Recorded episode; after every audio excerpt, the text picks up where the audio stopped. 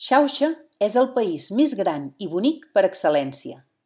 Allà es neda en l'opulència, i de pobres no n'hi ha.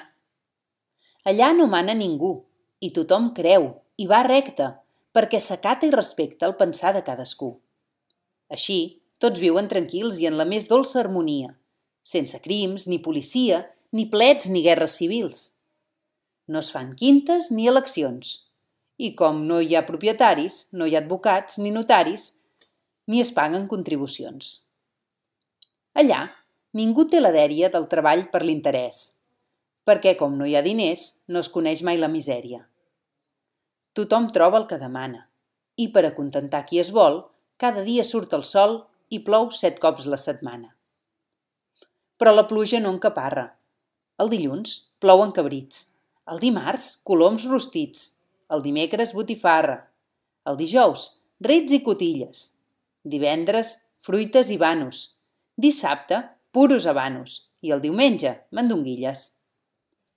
Allà sols hi ha fruites fines i préssecs rossos com sols, albercocs del pinyol dolç i les pomes camosines. Les cases són de torrons, les parets de xocolata, les rieres d'or i plata i els camps coberts de capons. Els arbres donen vestits, les muntanyes perles riques, els jardins flors molt boniques i les fonts vins exquisits. Allà no s'ha de passar cap pena per poder viure. Vinga broma, vinga riure i menjar bé i disfrutar. Així és que com que hi reina tanta alegria i quietud, s'hi disfruta una salut que els metges no hi tenen feina i quan ja s'és a la vora de les portes de la mort, ve una febre, un atac fort i bona nit i bona hora. Amb això, sense disbauxa, si us agrada el que es diu, aneu a passar un estiu allà a la terra de Xauxa.